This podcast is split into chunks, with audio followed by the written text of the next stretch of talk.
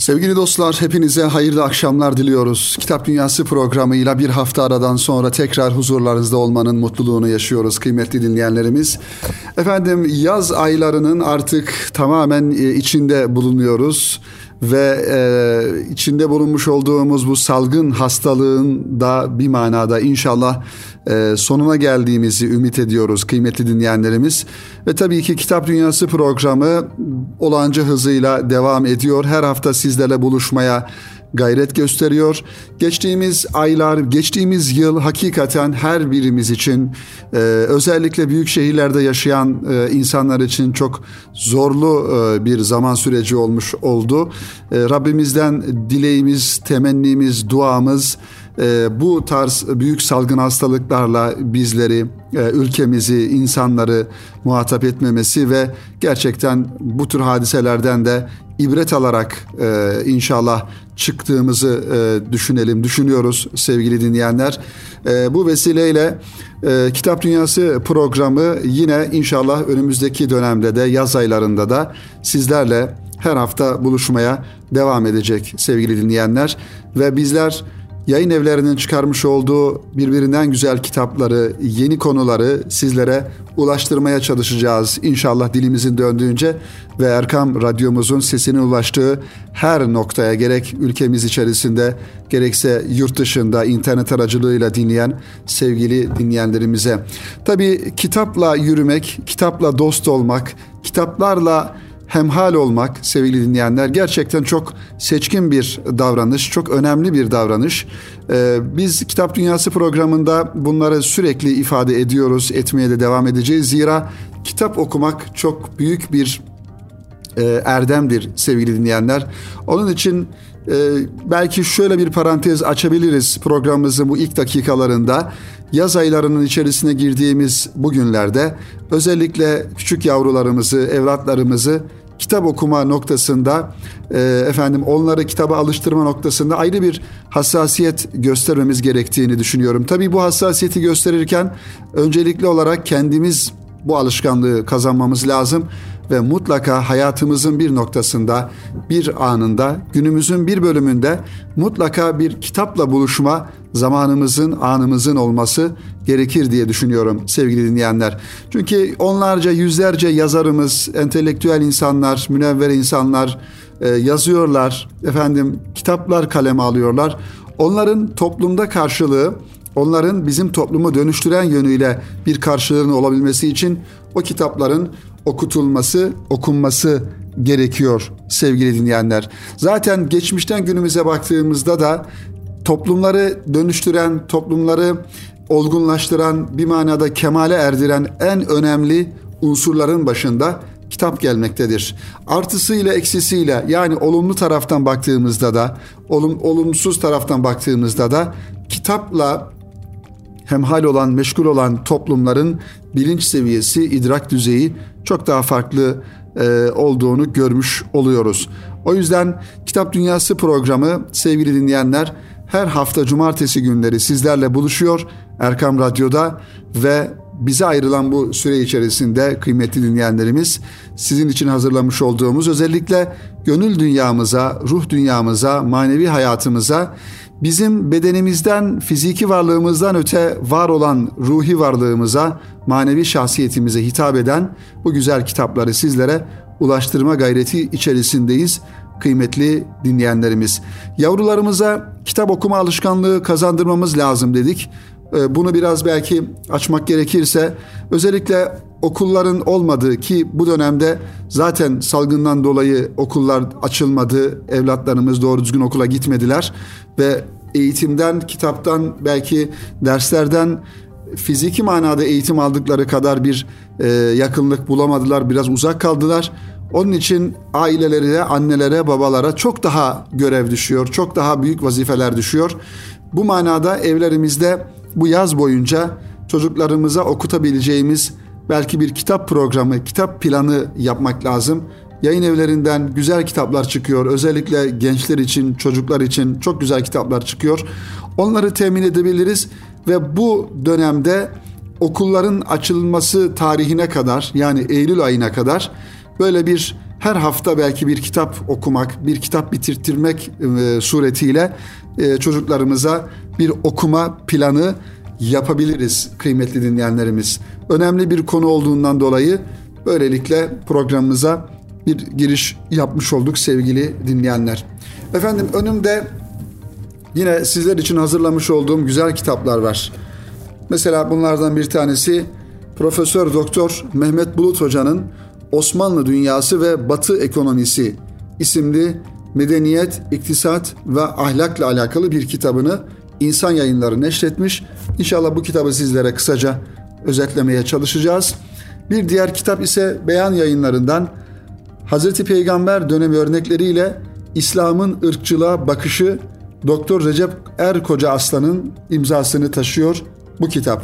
Ve bir diğer ve önemli bir kitapta sevgili dinleyenler muhterem Osman Nur Topbaş Hoca Efendi'nin Yüz Akı yayınlarından çıkan Kur'an ve Sünnet iki Cihanda Rahmet isimli hacimli bir eser. Gerçekten her satırı altı çizilerek okunması gereken ve gönül dünyamıza hitap eden, manevi hayatımızı imar eden metinlerden, yazılardan oluşan bir kitap. Muhterem Osman Nuri Topbaş Hoca Efendi'nin bu eseri. Yüz Akı dergisinin hediye kitabı olarak takdim edildi sevgili dinleyenler.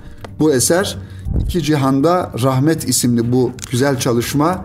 Şöyle baktığımızda kıymetli dinleyenlerimiz bu kitabın sayfalarına tam 550 sayfadan oluşuyor ve her bir e, bölümü ayrı bir konu, ayrı bir e, efendim anlatılması gereken, belki üzerinde durulması gereken konulardan e, oluşuyor. Muhterem müellif şöyle e, ifadelerde bulunmuş kitabının arka kapak yazısında cihan sessiz bir Kur'an, Kur'an da sesli bir cihan olduğuna göre ehli Kur'an'da her ikisinin feyiz ve ruhaniyet kavşağında bulunan bir irfan mihrakı ve tecelli abidesidir.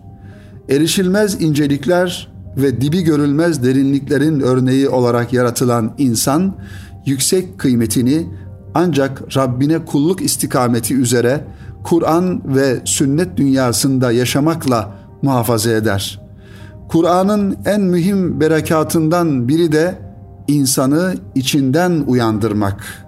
Evet, insanı içinden uyandırmak. Dış güzelliklerle hislendirmek, afak ve enfus cilveleri içinde onu Rabbinin muhabbetine çekmektir. Bu güzel kainat karşısında duygulanmak, hisli bir yürekle ürpermek ancak yaşayan bir canlı Kur'an olanlara mahsus bir keyfiyettir.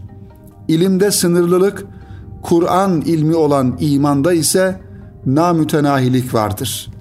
Kur'an-ı Kerim Resulullah Efendimizin kalbine indi. Fahri Kainat Efendimiz Aleyhisselatü Vesselam'ın ruhaniyetiyle, faziletiyle, şahsiyetiyle, nezaket ve zarafetiyle Kur'anlaşan mümin yürekleri kainatın Halık'ının tecelli mekanıdır. Ne mutlu bu idrake ve yaşayışa nail olabilenlere demiş kitabın arka kapak yazısında Kur'an ve sünnetin bir mümin için en başta ve arkasından bütün insanlar için iki cihanda bir rahmet vesilesi olduğunu bu satırlarda görüyoruz sevgili dinleyenlerimiz. Tabi Kur'an eğitimi, Kur'an-ı Kerim'in muhafazası, Kur'an-ı Kerim'le alakalı yapılan her faaliyet, her e, adım gerçekten çok kıymet, ehemmiyet arz ediyor. E, Rabbimizin kelamı, Rabbimizin sözleri ve insanlığı ona ulaştıran, ona yakınlaştıran, onun istemiş olduğu bir e, kul kıvamına ulaştıran en önemli e, nokta Kur'an-ı Kerim'in e, efendim muhtevasına vakıf olabilmek, o şuurda, o idrakte olabilmektir. O yüzden Kur'an-ı Kerim hafızı kelamların zihinlerinde, beyinlerinde ezberlenerek günümüze kadar gelmiş ve Cenab-ı Hakk'ın bir mucizesi olarak sevgili dinleyenler bu vesileyle muhafaza edilmiş. Ve Kur'an-ı Kerim hususi olarak Rabbimizin himayesinde ve muhafazasındadır. Onu biz indirdik, ve biz koruyacağız ayet-i kerimesi de bunun bir ifadesidir sevgili dinleyenlerimiz. O açıdan hafızı kelamların manevi olarak gerçek manada hafızlığını taşıyan, hafızlığının farkında olan ve hafızlığını gerçekten e, yaşayarak idrak eden, bunun kıymetini bilen insanların İslam nazarında ve e, insanların nazarında manevi olarak çok farklı yerlerinin olduğunu da yine Peygamber Efendimiz sallallahu aleyhi ve sellem hadisi şeriflerinde ifade buyuruyor. Onun için bizim kültürümüzde, geleneğimizde gerek ecdadımıza baktığımızda gerekse ondan onlardan önceki İslam e, devletlerine baktığımızda ta sahabe-i kirama kadar Peygamber Efendimiz Aleyhisselatü Vesselam'a kadar Kur'an-ı Kerim'in muhafazasında hafızı kelamların çok büyük bir e, yeri olduğunu, emekleri ve katkıları olduğunu da görmüş oluyoruz. Ve bundan sonra da inşallah kıyamete kadar Kur'an-ı Kerim'in muhafazasında yine hafızların önemli bir yeri olacaktır sevgili dinleyenlerimiz. Kitabın şöyle içindekilere bakalım sevgili dostlar. Ee, başlıklarıyla ifade edelim. Zira kitap gerçekten hacimli bir eser. İnşallah her birimiz bu kitabı elde ederiz ve okuruz. İki Cihanda Rahmet, Kur'an ve Sünnet isimli bu eser Yüz Akı yayınlarından çıktığını ifade ettik. Ee, hadislerden iba, ibret alarak Cenab-ı Hakk'a, Allah'a iltica etmek e, başlığını görüyoruz ilk bölümde. Her safhada bir yenisine şahit olduğumuz bütün nakil vasıtaları ve teknolojik keşifler Cenab-ı Hakk'ın sonsuz ilminden insanlara lütfettiği azamet ve kudret akışları ve tecellileridir. Şayet Cenab-ı Hak o imkanları yaratmamış olsaydı insan neyi keşfedecekti? Yani her şeyi yaratan Allah demiri, petrolü, elektriği ve emsali terakki malzemelerini yaratmamış olsaydı keşif diye bir şey olur muydu? Aslında keşf edilen her şey yaratılmış ve Rabbimizin nazarında var olan şeylerdir. İnsan sadece onları yine Cenab-ı Hakk'ın vermiş olduğu zekayla, akılla, idrakle, muhakeme gücüyle keşfediyor. Zaten keşfetmek ifadesini kullanıyoruz. Yani onun farkına varmak. Onu e, gün yüzüne çıkarmak. Yoksa e, onlar aslında her birisi Rabbimizin yaratmasıyla var olan şeylerdir. Böyle bir başlıkla hadiselerden ibret alarak Allah'a iltica etmek başlığını görüyoruz. İkinci yine devamında rahmet tecellileri. Ümitsizlik yok, rahmeti ilahiyenin tecellisiyle müstesna ve bereketli baharlar gelir. Hak tecelli eyleyince her işi asan eder, halk eder esbabını bir lahzada ihsan eder.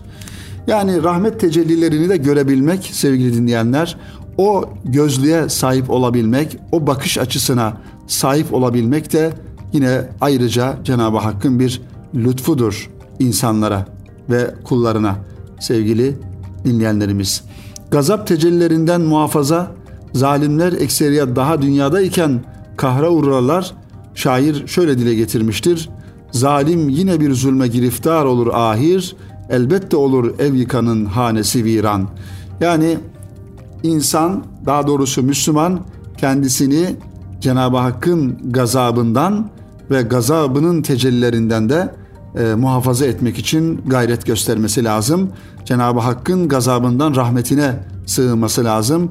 Her daim Rabbimizin rahmetinin ve merhametinin gazabından daha önce olduğunu ve müminin de buna sığınması gerektiğini ifade ediyor burada. Yine gazabından rahmetine sığınırız ya Rabbi başlığını görüyoruz. Her türlü sıkıntı ve musibetten halas olmanın yolu samimi bir tövbedir. Ancak bu da kafi değildir. Bir de o tövbenin Cenab-ı Hak tarafından kabulü şarttır.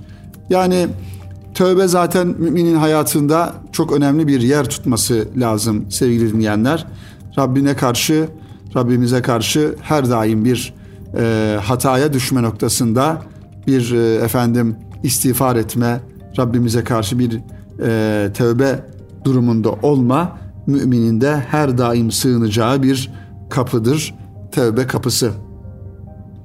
İslam'da tevhid başlığını görüyoruz. İslam'da ihlas ve samimiyet, İslam'da peygamberimize ittiba, men yudu'ar rasul fakat ata Allah, kim Resul'e itaat ederse Allah'a itaat etmiş olur. Nisa suresinin 80. ayeti kerimesi. Yine İslam'da ihlas ve samimiyet e, başlığında sevgili dinleyenler her türlü şirk ve gösterişten uzak durup ibadet ve taati yalnız Allah'a has kılarak ona kulluk et ayet kelimesi de Zümer suresinin ikinci ayet kelimesi olarak buraya alınmış.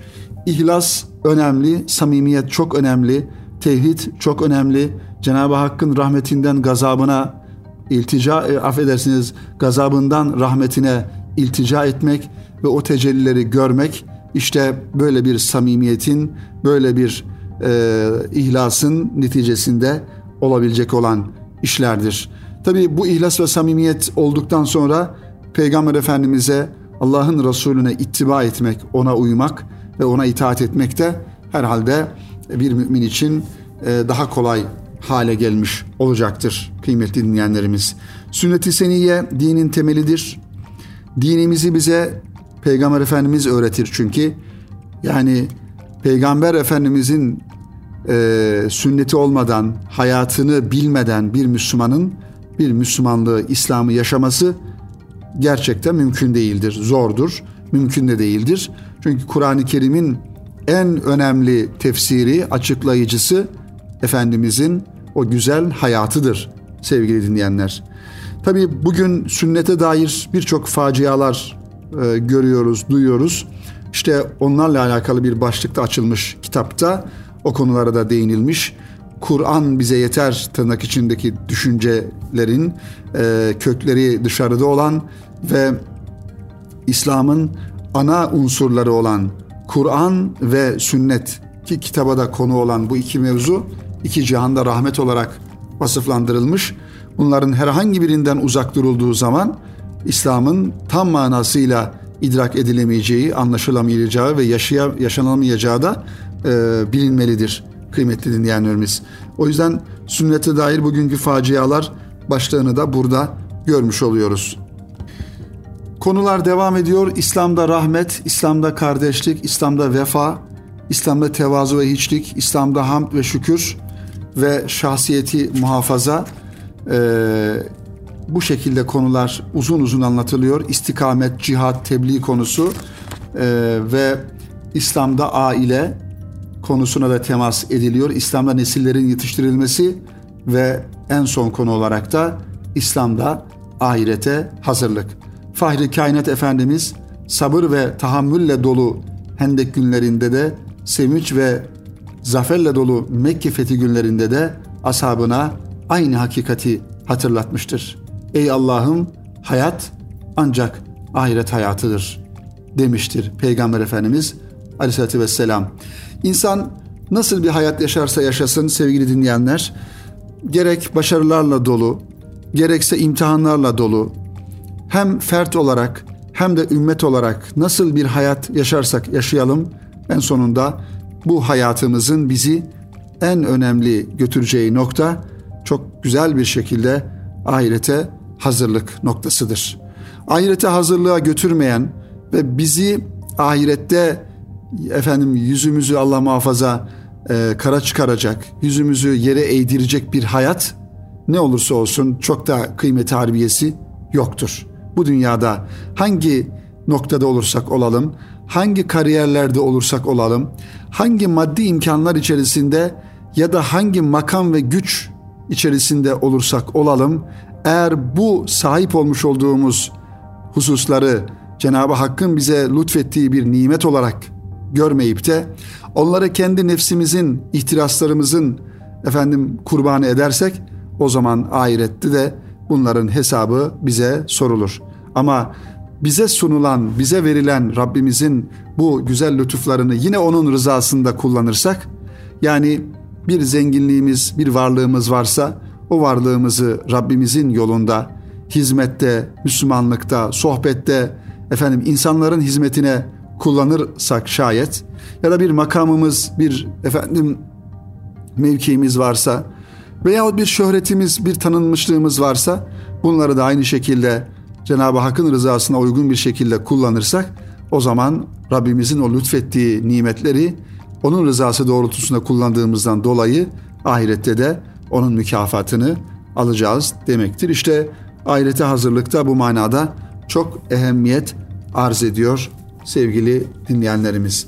Efendim bu kitabı bu şekilde sizlere takdim etmiş olduk. Muhterem Osman Nur Topbaş Hoca Efendi'nin Kur'an ve Sünnet İki Cihan da Rahmet isimli bu güzel eserini Yüz Akı yayınlarından temin edebiliriz.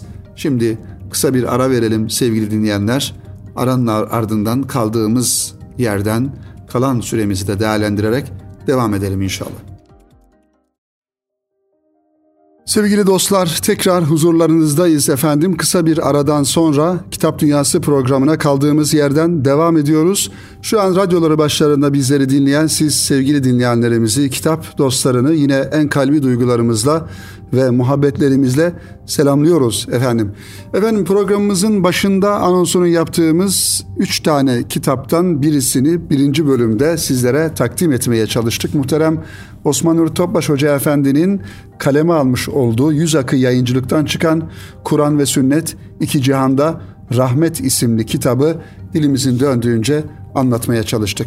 Şimdi ikinci bölümde ise kıymetli dostlar Hazreti Peygamber dönemi örnekleriyle İslam'ın ırkçılığa bakışı Doktor Recep Erkoca Aslan'ın beyan yayınlarından çıkan güzel bir kitabı. Irkçılık tabii ki başlı başına sevgili dinleyenler insanlık için büyük bir felaket, insan ruhu için ise ayrı bir hastalıktır. ırkçılık duygusu.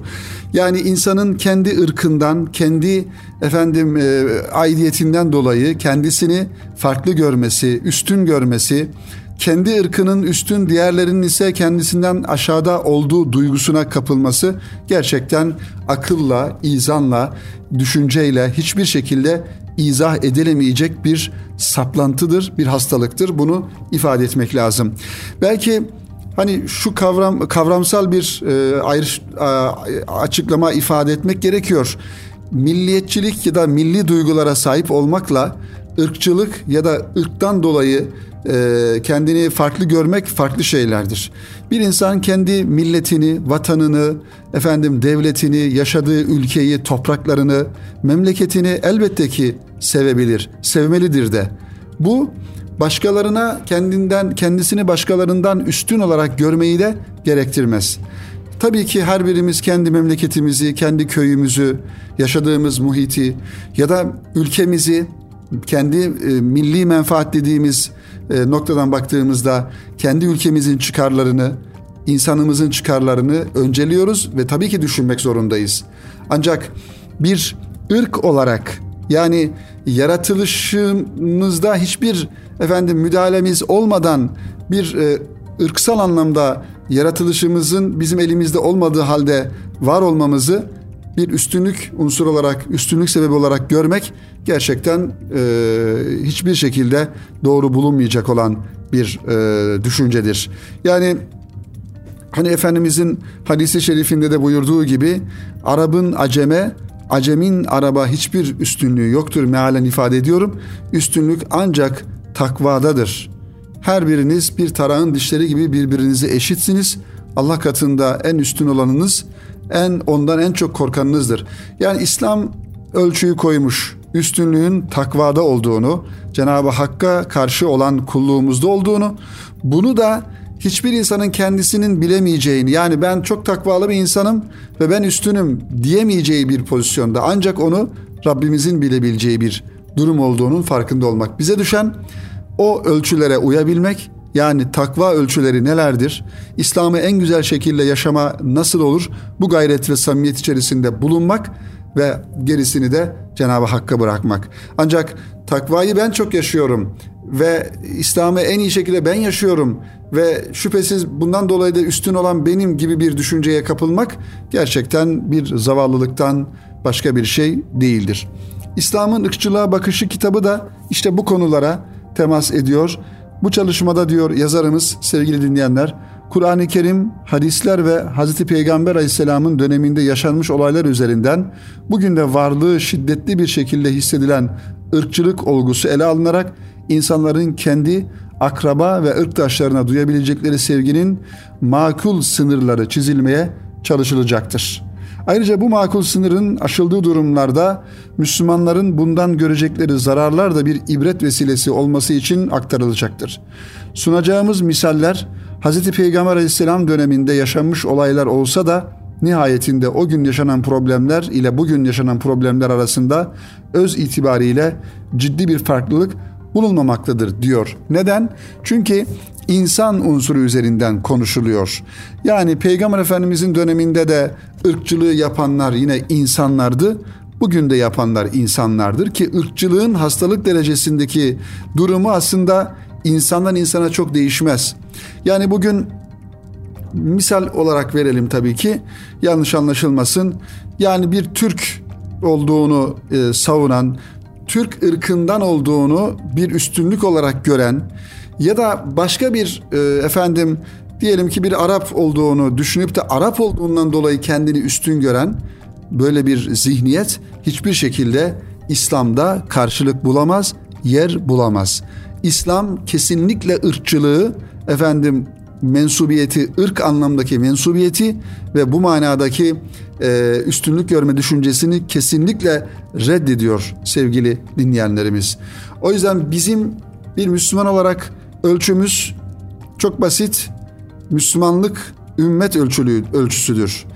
Eğer bir insan İslam dairesi içerisine girmişse, Müslüman ise bu insanın ırkı, milliyeti, vatanı, bölgesi, coğrafyası hiçbir şekilde önemli değildir. Yani bugün bir Yahudi, Yahudi ırkına, daha doğrusu İsrail e, oğulları ırkına mensup olan bir insan Müslüman olmuşsa o da bizim kardeşimizdir. O da bizim din kardeşimizdir. Neden? İslam çerçevesi içerisine girdiğinden dolayı. Efendim bugün bir Rusya'da yaşayan bir insan Müslüman oluyor kardeşimizdir. Neden? Ümmet gözüyle bakmak durumundayız.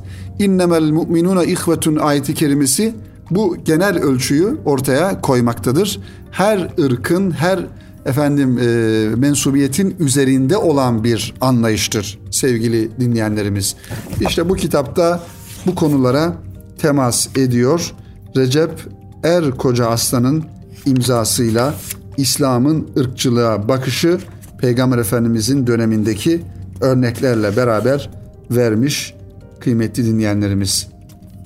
Zannedersem bu kitap bir e, tez olarak da belki çalışılmış olabilir. Biraz öyle bir görüntüsü var baktığımızda. Evet kaynaklar itibariyle de bir hayli dipnota kaynağı sahip önemli bir çalışma.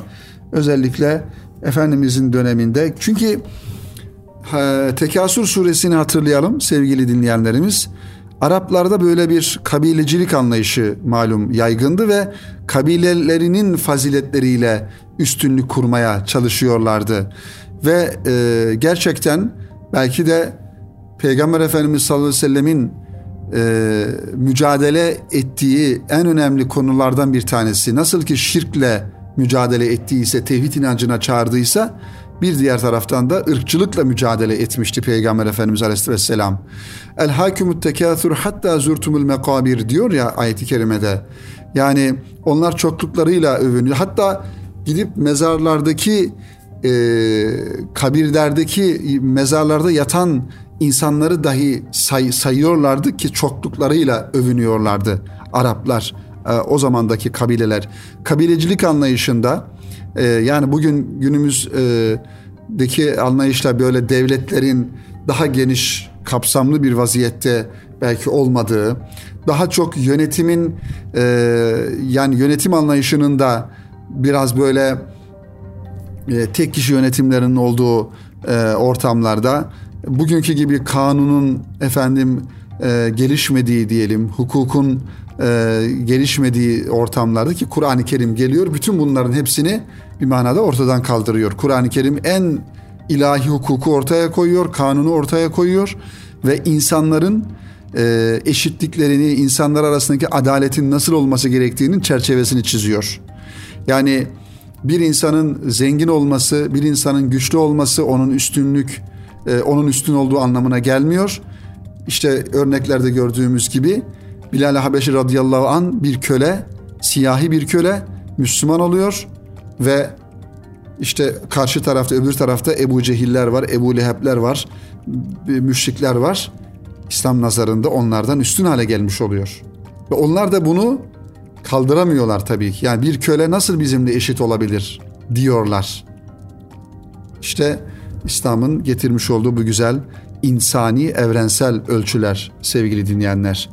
O yüzden Peygamber Efendimiz sallallahu aleyhi ve sellem elbette ki ırk olarak yani kabile olarak, milliyet olarak bir Arap e, kabilesinden, bir Arap e, soyundan geliyordu. Ama Efendimiz hiçbir zaman Araplığıyla, Arap olmasıyla övünmedi. O ancak bir peygamber ve peygamber olduğunu söyledi ve bir Allah'ın kulu olduğunu ve takvayla takvanın üstün olduğunu, takvayla insanın ancak faziletli olabileceğini ifade buyurdu Peygamber Efendimiz Aleyhisselatü Vesselam. İşte bu kitapta bize bu konuları izah ediyor kıymetli dinleyenlerimiz. Efendim bir kitabımız daha kaldı. Onu da ifade etmiştik. Osmanlı Dünyası ve Batı Ekonomisi Profesör Doktor Mehmet Bulut Hoca'nın kaleminden bir kitap. Ee, dilerseniz bu kitabı da inşallah önümüzdeki hafta sizlere takdim etmeye çalışalım. Bu haftalık e, bu kadarla iktifa edelim. Umarız e, sürçülisan etmemişizdir ve bu güzel kitapları sizlere e, takdim ettik ve kitap dünyanıza e, bir nebze de olsa katkı sağlamışızdır sevgili dinleyenler. Efendim önümüzdeki hafta tekrar yine cumartesi günü aynı saatte buluşmayı ümit ediyoruz ve hepinizi Rabbimize emanet ediyorum. Hoşça kalın, hayırla kalın sevgili dinleyenler.